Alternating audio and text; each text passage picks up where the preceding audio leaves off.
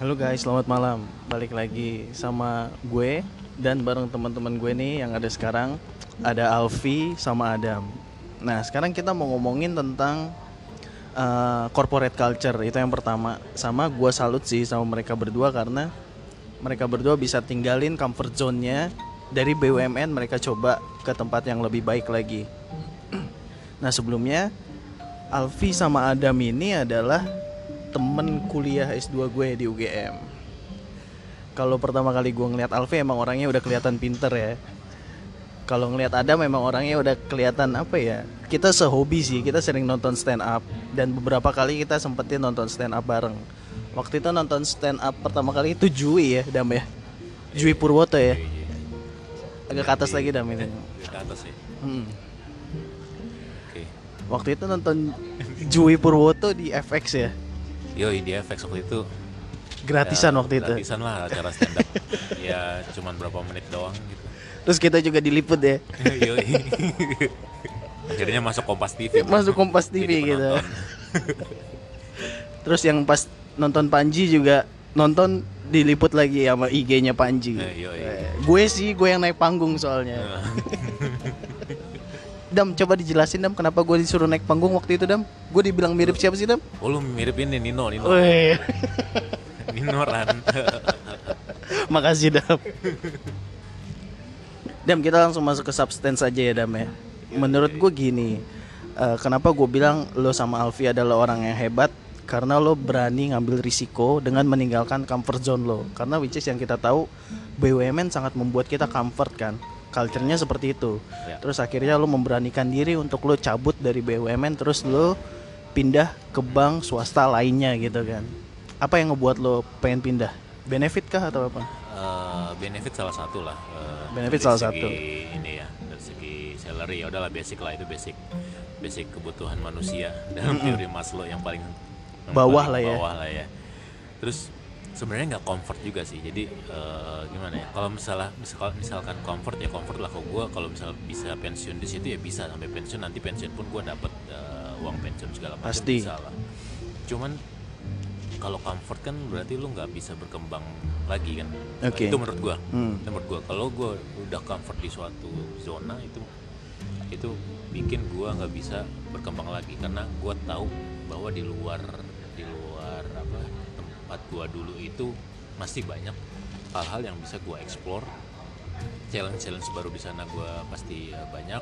Dan juga salah satu yang paling penting adalah culture Culture. Cult- culture-nya tuh eh, beda banget ya. Eh, Oke. Maksudnya eh, yakinlah bahwa setiap perusahaan memiliki culture-nya masing-masing. Exactly.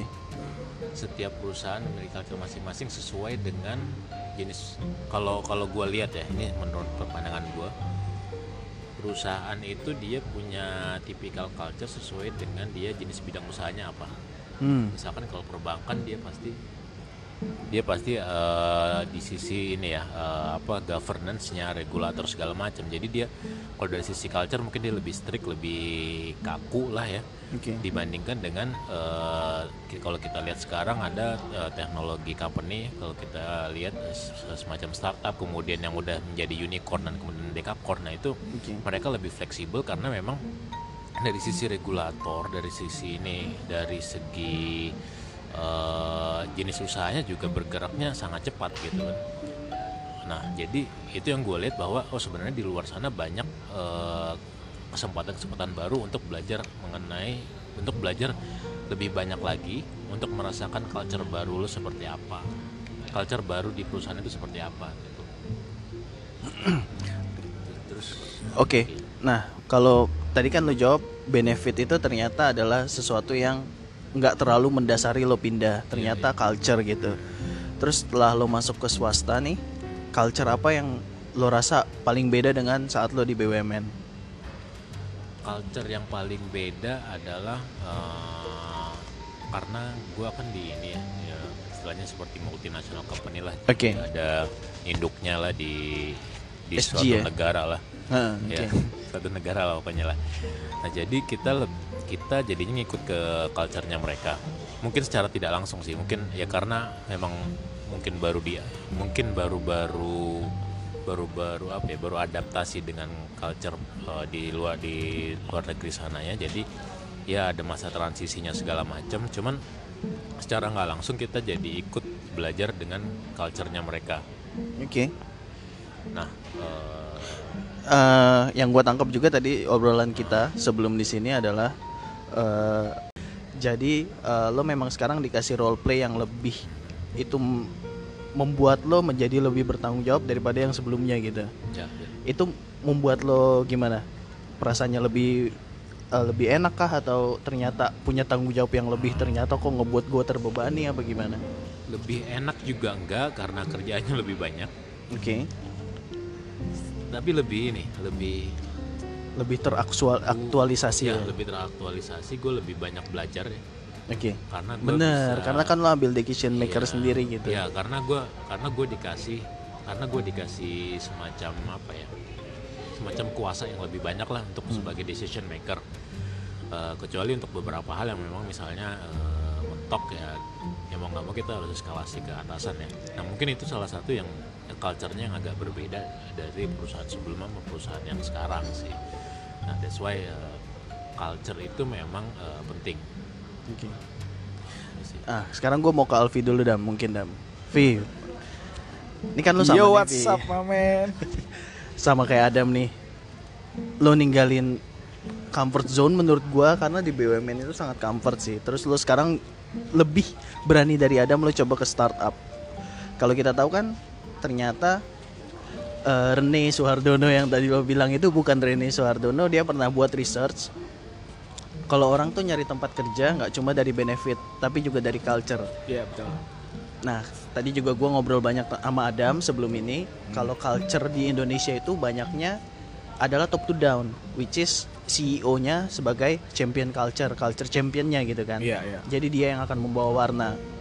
betul betul Jadi bisa gue simpulkan nih Vi, lo cabut dari kantor yang lama karena lo merasa lo nggak seculture atau lo nggak senilai dengan CEO lo gitu, atau lo nggak bisa ngelihat eh, bos lo itu sebagai eh, mentor lo saat itu. Gimana menurut lo? Oke, jadi gini ya. Menurut gua setiap culture di perusahaan itu pastilah pengennya jadi yang terbaik Oke. untuk eh, membuat karyawannya itu eh, menjiwai seluruh apa-apa yang eh, akan dilakukan di perusahaan tersebut. Karena kan kata lain dari culture itu kan how we do things around here. Hmm. Jadi bagaimana kita tuh berperilaku atau kita mengerjakan sesuatu di di tempat ini, di perusahaan ini, di organisasi ini gitu kan. Hmm. Nah, mungkin yang berbeda dari sini adalah yang tadi kan kita udah bahas tentang comfort zone, Hmm. ya kan? Nah, kalau menurut gua comfort zone itu eh, dinamakan comfort zone karena emang dia itu nyaman gitu kan. Oke, betul. Menurut gua itu bukan suatu hal yang harus ditinggalkan. Oh, oke. Lo berpandangan seperti itu ya? Gitu. Karena itu nyaman. Itu nyaman. nyaman di sini maksud gua bukanlah hal yang negatif karena Hmm. misalnya gini lingkungan kerja lo tuh udah asik banget orang-orangnya pada kondusif banget Betul. lo Suportif lagi gitu. ya. suportif lagi lo salah lo dibantuin kalau lagi nggak tahu lo dikasih diajarin itu menurut lo comfort zone gak sih Iya dong. iya kan Iya, iya benar.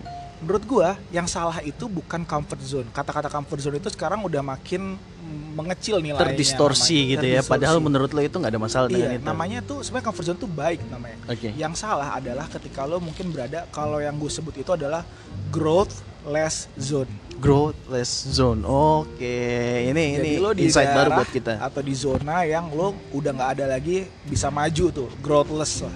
Growthless zone. Iya. Either, Itu keren.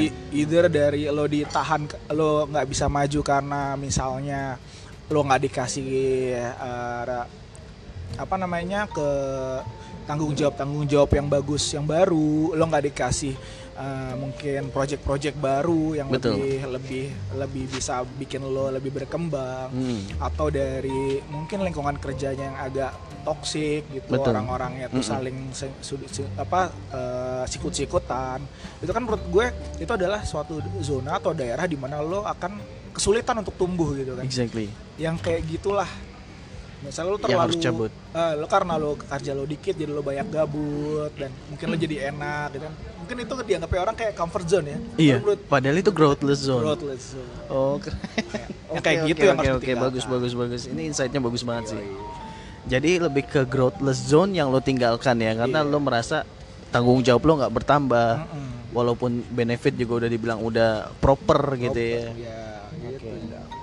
Tapi masalah yang tadi lo nggak seculture, bukan lo nggak seculture ya, lo nggak sepaham sama uh, leader lo, lo nggak sepaham leader. sama bos lo. Itu ada ianya juga apa enggak? gue lebih tepatnya bukan nggak sepaham sih, tapi karena dengan eh, dengan dia Establishment perusahaan yang udah segede gini, jadi culture-nya udah sangat ke- kuat gitu ya. kalau gue lebih kepada mungkin kalau bisa dibilang adalah lu udah cukup lama di satu perusahaan tersebut Oke. sehingga lu udah banyak tahu terkait proses bisnisnya seluruh tentang uh, mungkin uh, gimana gimana mereka melakukan satu hal ABC gitu kan jadi lo udah bisa dibilang lo udah tahu banyak terkait perusahaan tersebut dan lah, satu lagi yang menurut constraint gue adalah constraint waktu sih Zal Waktu. waktu Oh, oke. karena kan kita bekerja itu kan ada maksimalnya misalnya hitunglah 30 35 tahun gitu kan Yep. nah lu sekarang udah berapa lama tahun di satu perusahaan ini dan lu kalau nggak mungkin apa mencoba sekarang lu Kapan lagi? waktu iya. Lo akan kehilangan momentum dan momentum, itu harus kita jaga. betul momentum itu za Iya bener bener bener. Goks keren sih Goks ya. Tapi lu tetap setuju dengan pendapat bahwa kalau lo cari kerja adalah pick the boss, not pick the job gitu. pick the boss gue sangat setuju menurut gue karena dia yang akan ngasih lo uh, ruang untuk berkembang itu Oke. room of growth lo tuh paling gede dari bos lo Hmm. Ya. Nah kalau kayak tadi Adam itu role play lo sekarang di startup ini Ya. jauh lebih eh, luas daripada saat lo di BUMN. Iya luas banget dulu dulu di waktu masih di BUMN gue masih karena mungkin di BUMN itu uh, kerjaannya tuh segmented ya jadi lo udah jelas lo kerjanya ini aja gitu jadi padahal ketika saat itu gue mungkin ada ada suatu pikiran gue yang bisa melakukan ada ada perubahan lah ibaratnya yang lebih Inisiatif baik strategis apa gitu ya? tapi sebenarnya itu kewenangannya dari unit lain gitu kan mungkin gue udah ngasih masukan gitu kan tapi toh tetap yang harus dikerjakan yang ngerjain kan harus unit lain tersebut Oke. nah di situ gue agak agak agak agak, agak gatel dan gemes gitu sih nah di startup sini gitu kan nah gue bersyukur jadi product manager dan gue tuh bertanggung Oke. jawab penuh terhadap Produk lu. produk yang gue kelola gue maju mundur itu produk tuh gue yang nentuin ya kan jadi gue gimana caranya gue bisa riset sebaik mungkin gue bisa cari tahu sebanyak mungkin terkait apa aja yang memang dibutuhkan customer gue terus gimana cara fulfill uh, kebutuhan mereka itu sehingga mereka happy dan bisa mau terus pakai produk gue dan akhirnya bisa mengembangkan perusahaan gue kan karena produknya sukses seperti gitu itu gue dapetin di sini Ada pride sendiri ya Iya. ketika produk lo lebih gitu daripada yang Iya lain. dong. Goks. Jadi lo lebih seneng role play kayak gini ya? Yes, role di sini udah sangat oke banget. Ya. Jujur gue juga gitu sih. Apa di swasta gue dapet role play yang lebih luas dan itu lebih ngebuat kita ngerasa teraktualisasi gitu ya. Apa yang Iya. kita pelajari di S1, S2 gitu ya. Kita S2 bareng. Jadi memang lebih teraktualisasi diri aja dengan role play yang memang kita diberikan tanggung jawab lebih. Gimana Dam?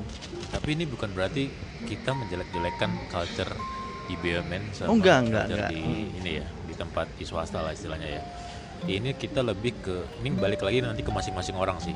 Sebenarnya Betul. dia dia mau kerja seperti apa ya itu nanti balik lagi ke masing-masing orang. Memang ada orang yang dia nyaman untuk eh, kerja di BUMN dengan role yang seperti itu. Ada juga orang yang ternyata memang dia lebih mungkin lebih nyaman dengan eh, kondisi pekerjaan yang memang dia diberi role yang lebih besar. Mm-mm.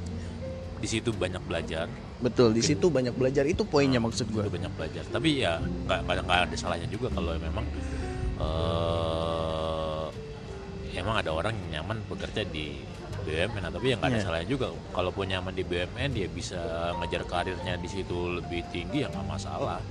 Itu sih pilihannya balik lagi. ke Oh iya iya, masing-masing. gue juga disclaim maksudnya kalau kita bekerja di BUMN kita nggak semata-mata cari profit, tapi kita juga yang diatur oleh accountability kan. Betul. Jadi kita bekerja sesuatu hal tuh dengan akuntabilitas gitu ya.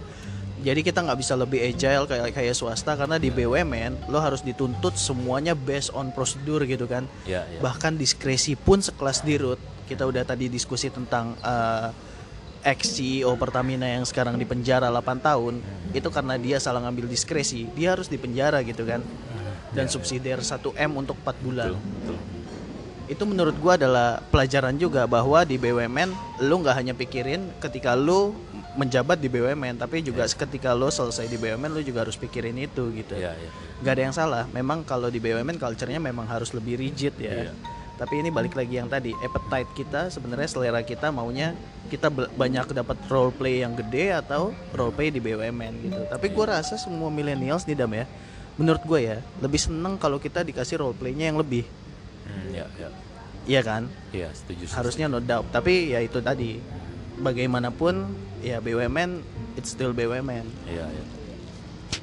Oke, sekarang uh, tadi gue menarik tentang Alvin nih dam, growthless zone. Berarti sampai titik mana lo tahu di BUMN lo udah nggak akan berkembang lagi, terus lo akhirnya cabut gitu.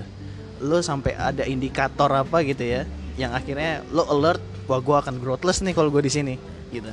Salah satu indikatornya adalah gue dulu kan memang sebagai istilahnya megang produk ya PIC-nya produk suatu suatu layanan lah. Nah, Oke. eh, memang gue mau dipromosiin, cuman dipromosinya ya megang produk itu lagi. Hmm, yang akhirnya ya gue nggak akan belajar hal baru ya belajarnya itu aja dan kesempatan untuk eh, eh, mungkin belajar hal yang lain juga eh, sama aja. Karena culture-nya ya seperti itu itu juga suasana bekerjanya. Oke. jadi ya istilahnya kayak kayak gimana ya? Istilahnya tuh kayak gue udah tahu apa yang gue kerjain. Jadi gue nggak perlu mikir quote unquote quote unquote Mm-mm. untuk mengerjakan hal itu gue nggak perlu mikir Karena semua udah by default akan kayak Nah, gitu lagi default- gitu. iya betul by default kan kayak gitu lagi Lo nggak perlu ambil effort, take effort yang lebih banyak juga, Betul, ya akan betul. kayak gitu lagi gitu. jadi gue mutusin oke gue Oke, gua nggak itu alert gue sih itu alert gue alert gue adalah kalau gue nggak perlu mikir suatu apa suatu pekerjaan itu mungkin jadi alert gue jadi gue cari pekerjaan yang memang bener-bener gue harus bisa lebih mikir lagi lebih explore banyak hal Betul. lagi Oke, Nah, oke. baru. Sip, gue paham poin lo. Vi, kalau lo Vi, di mana lo tahu lo akhirnya ini kayaknya gue growthless nih di sini nih. gue growthless ya jadi gue di perusahaan tersebut sebenarnya gue nggak nggak kayak Adam ya yang di situ-situ terus gue cukup banyak juga pindahnya dan gue hampir mungkin ada Hmm. setahun gue dulu awal-awal gue ditaruh di bagian A Hmm. megang eh, project network Mm. terus gue baru enam bulan udah pindah lagi di service desk gue megang SLA dan eh, business relationship management terus situ gue dua tahun terus gue pindah lagi ke eh, capacity management di mana gue manage capacity planning dan sebagainya untuk seluruh sistem terus gue akhirnya dapat kesempatan juga untuk jadi eh, eksekutif asistennya dari eh, direktur teknologi Oke. waktu Hmm. itu Nah, di- ketika udah selesai dari sana, gue pindah ke area area yang dekat-dekat bisnis nih. Jadi gue jadi bisnis partner, di mana gue menghubungkan antara bisnis sama IT dan Oke. gimana gue bisa memenuhi requirement-requirement yang dibilang oleh di bisnis untuk kita eh, develop produknya seperti itu. Mm, mm. Nah, jadi menurut gue, gue nggak nggak yang kayak udah stuck-stuck banget sih. Nah, Nah, Nah, terus, cuman nah. lebih tepatnya Mm-mm. supaya nggak kehilangan momentum aja Zal gitu kalau kalau role gue ini paling bagus emang abis ini gue dari IT IT IT menuju ke bisnis nah sekarang gue tinggal loncat ke bisnisnya nih Nah, karena kan gue udah udah udah jembatan IT sama bisnis nih tinggal Hmm. ke bisnisnya ini nah Oke. ketika waktu itu loncat ke bisnis itu emang pas lagi di perusahaan tersebut gue nggak nggak ngelihat ada peluang di mana gue bisa pindah ke tempat tersebut oke. nah oleh karena itu gue dapatnya adalah keti- di startup Tapi lo udah coba peluang tersebut? Lo udah coba ke bisnis? Iya, gue udah nanya-nanya doang, nanya-nanya Oh, nanya-nanya, gitu kan. Ini mau ada ada kira-kira ada ada spot nggak dan Ah. dan kita juga nilai dong ya di bisnis tersebut kayak gimana sih kesempatannya apakah bos-bosnya tuh enak apa mendukung seperti itu yang maksudnya eh, yang tadi apakah di tempat situ kita bisa eh, growth atau nanti ke- terbatas karena misalnya di tempat tersebut udah terlalu banyak orang juga terlalu Hmm. pack gitu kan Hmm. ada lagi yang mungkin yang eh, tempat yang mungkin emang nggak lo nggak lo emang sukai gitu kan kayak Hmm. misalnya eh, misalnya nanti ke tempat kredit di mana bang kan ada kreditnya gitu kan lo kalau ke Hmm. tempat kredit kan eh, wah riba banget lo kayak riba riba ribanya riba lo riba kan lo sedih juga gitu kan Ya nggak? Kalau nggak di tempat kredit nggak riba-riba banget lah tapi riba. iya gak riba-riba banget nah kayak gitu kan uh, ya ya lagi-lagi kalau di sisi gua kalau daripada Adam gue lebih di sisi momentum sih momentum gue tuh kalau gua nggak cabut sekarang tuh udah udah udah lewat dua tahunan kan itu akan ini stuck lagi Betul. Momentum itu juga lo jaga ya. Jadi nggak cuma growth zone itu ya. yoi Oke. Nah, kalau kita lihat sendiri kan beberapa banyak eh, literasi tentang culture yang tadi eh, dijelasin juga sebenarnya culture yang baik itu adalah culture yang creating a climate for change gitu kan. Jadi culture itu memang menuntut kita untuk berubah gitu. Nah, itu menurut lo sendiri sebenarnya culture perusahaan itu harus dirubah nggak sih? Eh, tergantung Tergantung ya. Tergantung eh, tergantung perusahaan itu mau bertransformasi se, se- sebesar apa Oke, oke, gue paham. Oke. dan dan sebenarnya kalau kalau kalau kita apa istilahnya kalau kita runut ya dari dari dari turunnya culture di suatu perusahaan Oke. itu gimana sih sebenarnya kan kalau menurut gue itu kan top down Hmm. karena gini eh, bottom up eh, gua nggak yakin bisa karena bottom up karena gini ya istilahnya gini deh Eh, apa analoginya gampangnya gini Gimana? Misalkan ada eh, karyawan baru karyawan baru fresh grade dia kan nggak tahu apa apa soal perusahaan itu Hmm. pekerjaannya gimana kan Oke. dia pasti seperti dia seperti anak kecil mencari induknya ya kan pasti si fresh grade ini dia bakal melihat atasannya dia berperilaku seperti apa Hmm. secara otomatis perilaku itu harusnya eh, Mencerminkan culture. culture-nya perusahaan ya kan nah eh, kalau men- kalau pengalaman gua sih selama ini karena gua tuh udah tuh ganti-ganti leader ya dan ada leader dan gue sempat dapat leader yang memang dia udah lama di perusahaan itu kemudian ganti lagi dia dapat leader yang Iya. yang dia sebagai pro hire nah Hmm. itu beda-beda nah dari situ itu yang gue bikin gue beruntung juga jadi gue bisa ngelihat eh, culture nggak dari hanya satu sisi gue oh gue bisa ngelihat oh ini orang dari perusahaan lain masuk ke perusahaan Oke. perusahaan gue terus eh, oh dia bawa culture-nya di eh, perusahaan itu Oke.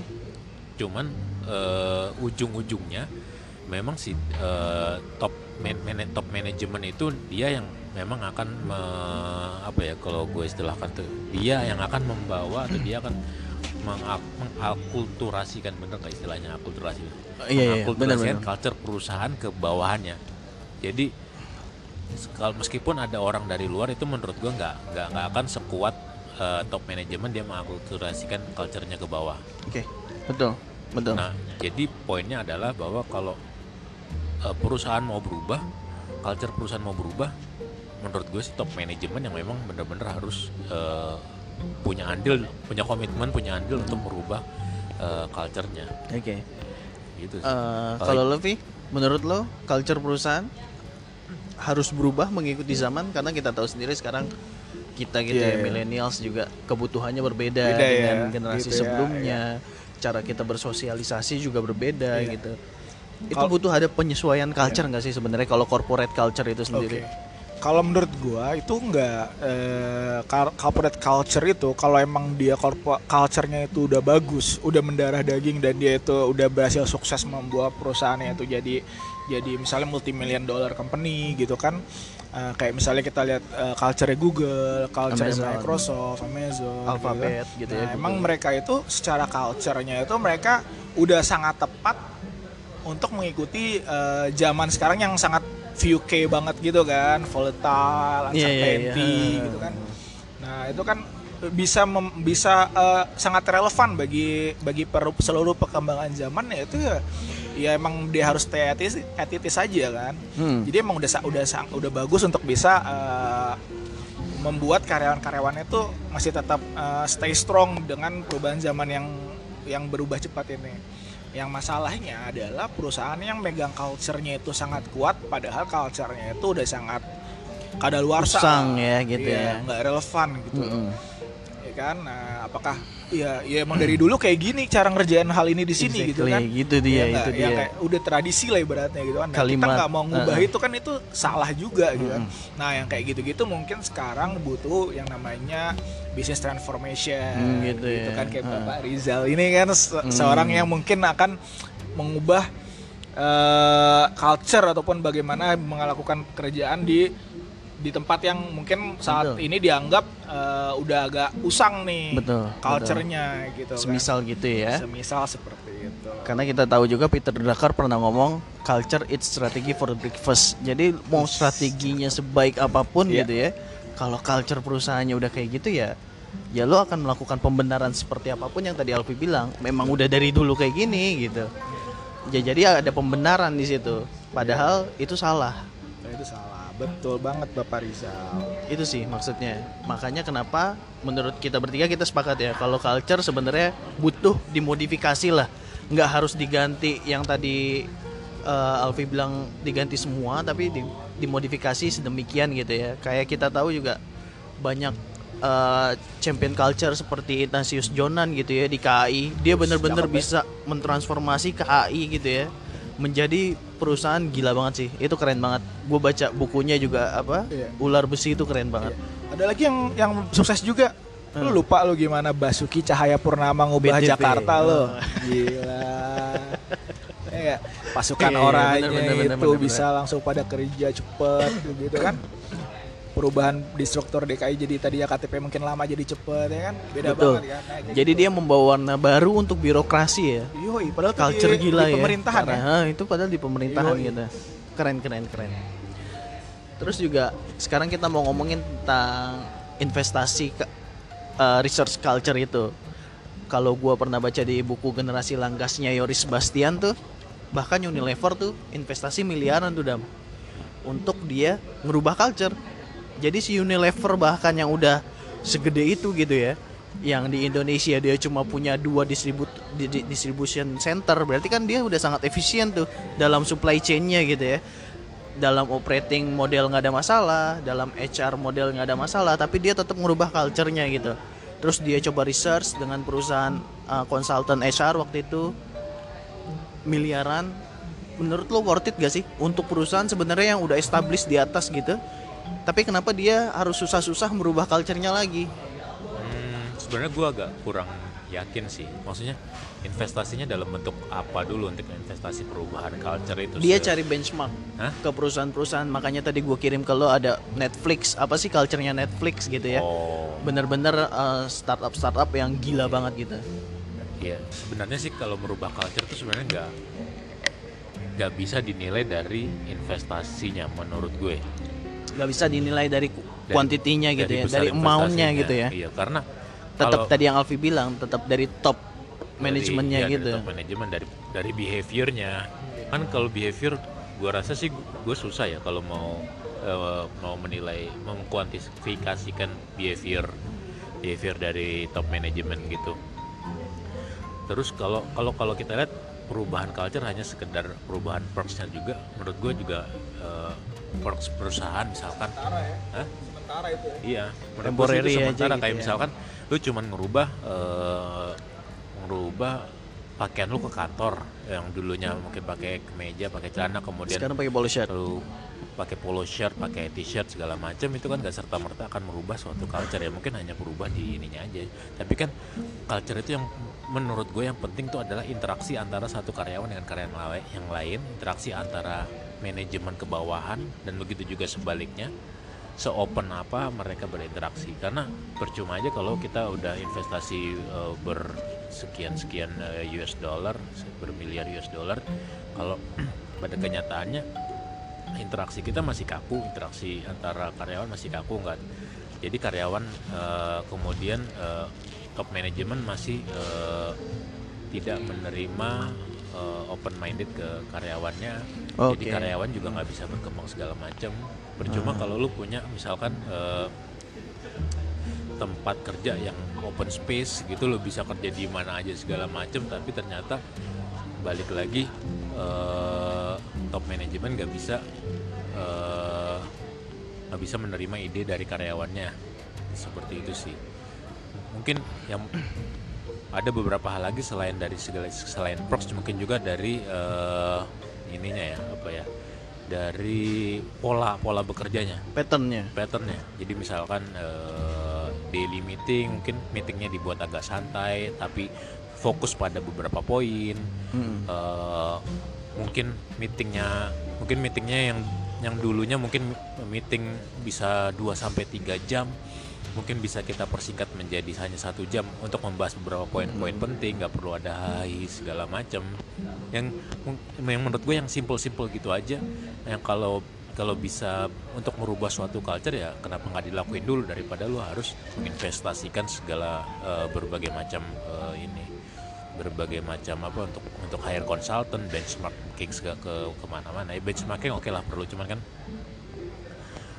ya balik lagi tuh sih eh, lebih ke salah satunya interaksi juga penting ya Iya. Vi, gue sih. gimana Vi? Kalau menurut lo tentang uh, investment dari uh, benchmarking culture itu sendiri, itu menurut lo worth it gak sampai miliaran gitu?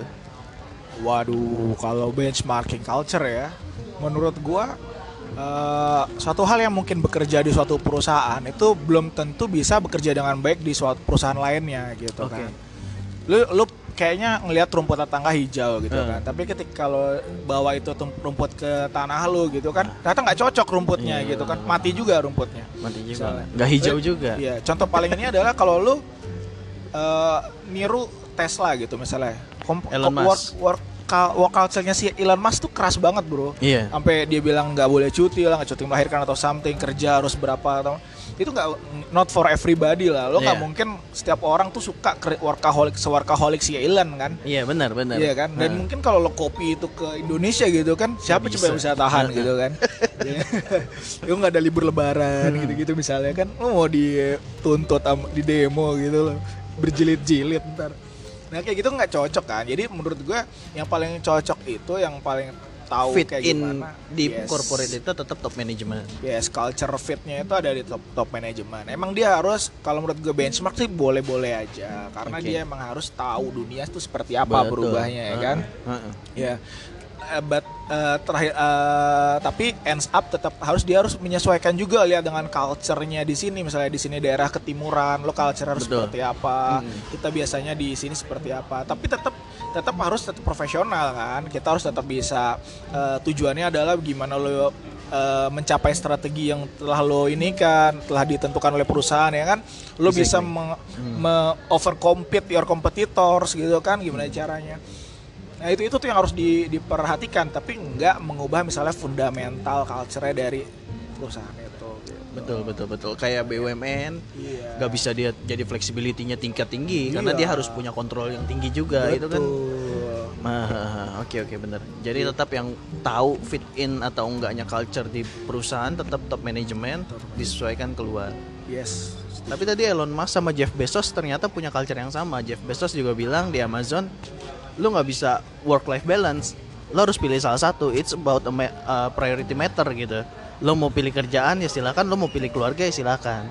Ya kayak Elon Musk tapi lebih nadanya lebih pelan sedikit. uh. Jack Ma juga janjian kayak gitu ya.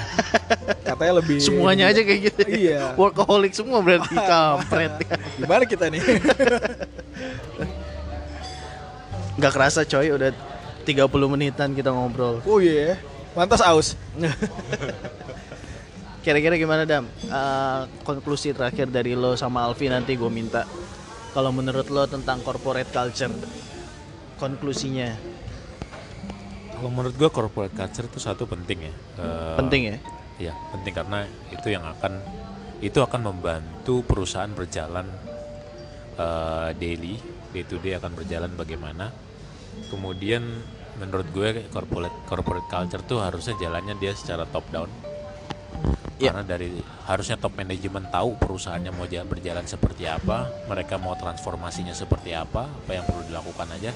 Nah, culture membantu untuk eh, akselerasi untuk akselerasi melakukan transformasi dan menyam- menyampaikan visi dan misi perusahaannya itu. Oke.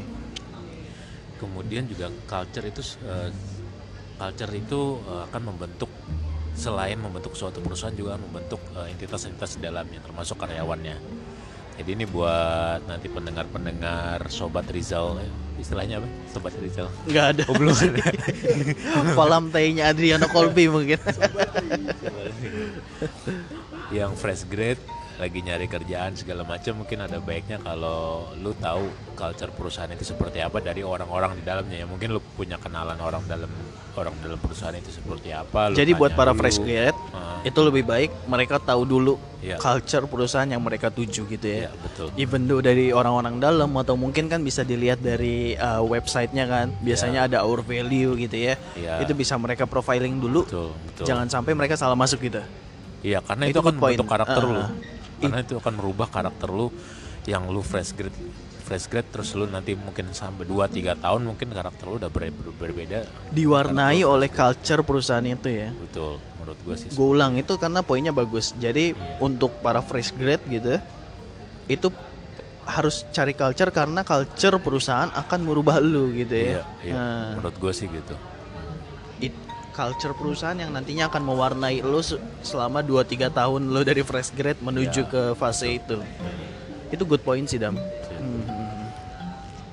jadi lu menyesal dengan culture BUMN gue rasa enggak ya karena kita juga banyak Enggak belajar sih, di situ ya Iya, di BUMN juga banyak belajar, di tempat yang baru juga banyak belajar ya. Ah, akhirnya balik ke diri lu lagi sih. Nah. Lu se kalau gue sih lebih suka culture yang open minded ya. Jadi oke culture yang open minded, culture yang di mana gue bisa punya banyak role di di suatu perusahaan. Jadi gue bisa banyak belajar juga di situ. oke Karena kalau yang close minded segala macam ya jadi susah juga sih. Eh gua nggak suka sih, bukan karena ya karena gua nggak suka kalau dengan culture seperti itu ya kan tiap orang juga beda-beda kan. Oke, Gitu sih. thank you Dam. Itu insight luar biasa sih, culture konklusi tadi. Kalau lo Vi, konklusi terakhir untuk Yoi, gue mungkin ngomongin dari sisi comfort zone lagi ya. Jadi Hmm. ya, ya menurut gua comfort zone tuh jangan lo hindarin, malah harus lo cari. Oh gitu. Iya, gimana lo bisa nyaman dengan kerjaan lo, gimana lo bisa nyaman sama lingkungan eh, pekerjaan lo ya kan? Yang lo harus lo hindarin tadi adalah growthless zone. Kalau lo udah sampai di mana lo tuh ngerasa udah nggak bisa growth lagi, lo nggak bisa berkembang lagi, itu yang harus lo hindarin. Tapi namanya comfort zone, lo harus cari itu menurut gua. Di mana lo bisa, lo mungkin lo pengennya yang work life balance, di mana mungkin lo senangnya yang workaholic banget ya kan comfort zone lo mungkin yang tempat kerjanya workaholic ya lo cari lah kayak gitu Betul. gitu kan Betul. ya tapi jangan sampai yang growthless zone lo datengin gitu aja sih Itu poinnya ya. yoi Keren keren keren keren. Karena memang penelitiannya Seibert Kramer itu tahun 2001 dia bilang dari 2.500 responden dia bagi menjadi dua 1.250 orang sukses 1.250 orang yang nggak sukses nih lu ditaruh di tempat orang sukses lu akan ikutan sukses jadi comfort zone itu menurut Alfi tadi ya lu bisa lihat juga gitu ya lingkungan dari tempat kerja lo itu kira-kira akan membawa lo ke arah sana apa enggak? Oke oke oke. Thank you banget nih guys. Ada Malvi thank you ya untuk you, thank waktunya you, ya. Zal. ini benar-benar insightnya luar biasa. Ayo Vi bye teman-teman virtual Rizal. Thank you thank you thank you semua yang udah dengerin. Selamat malam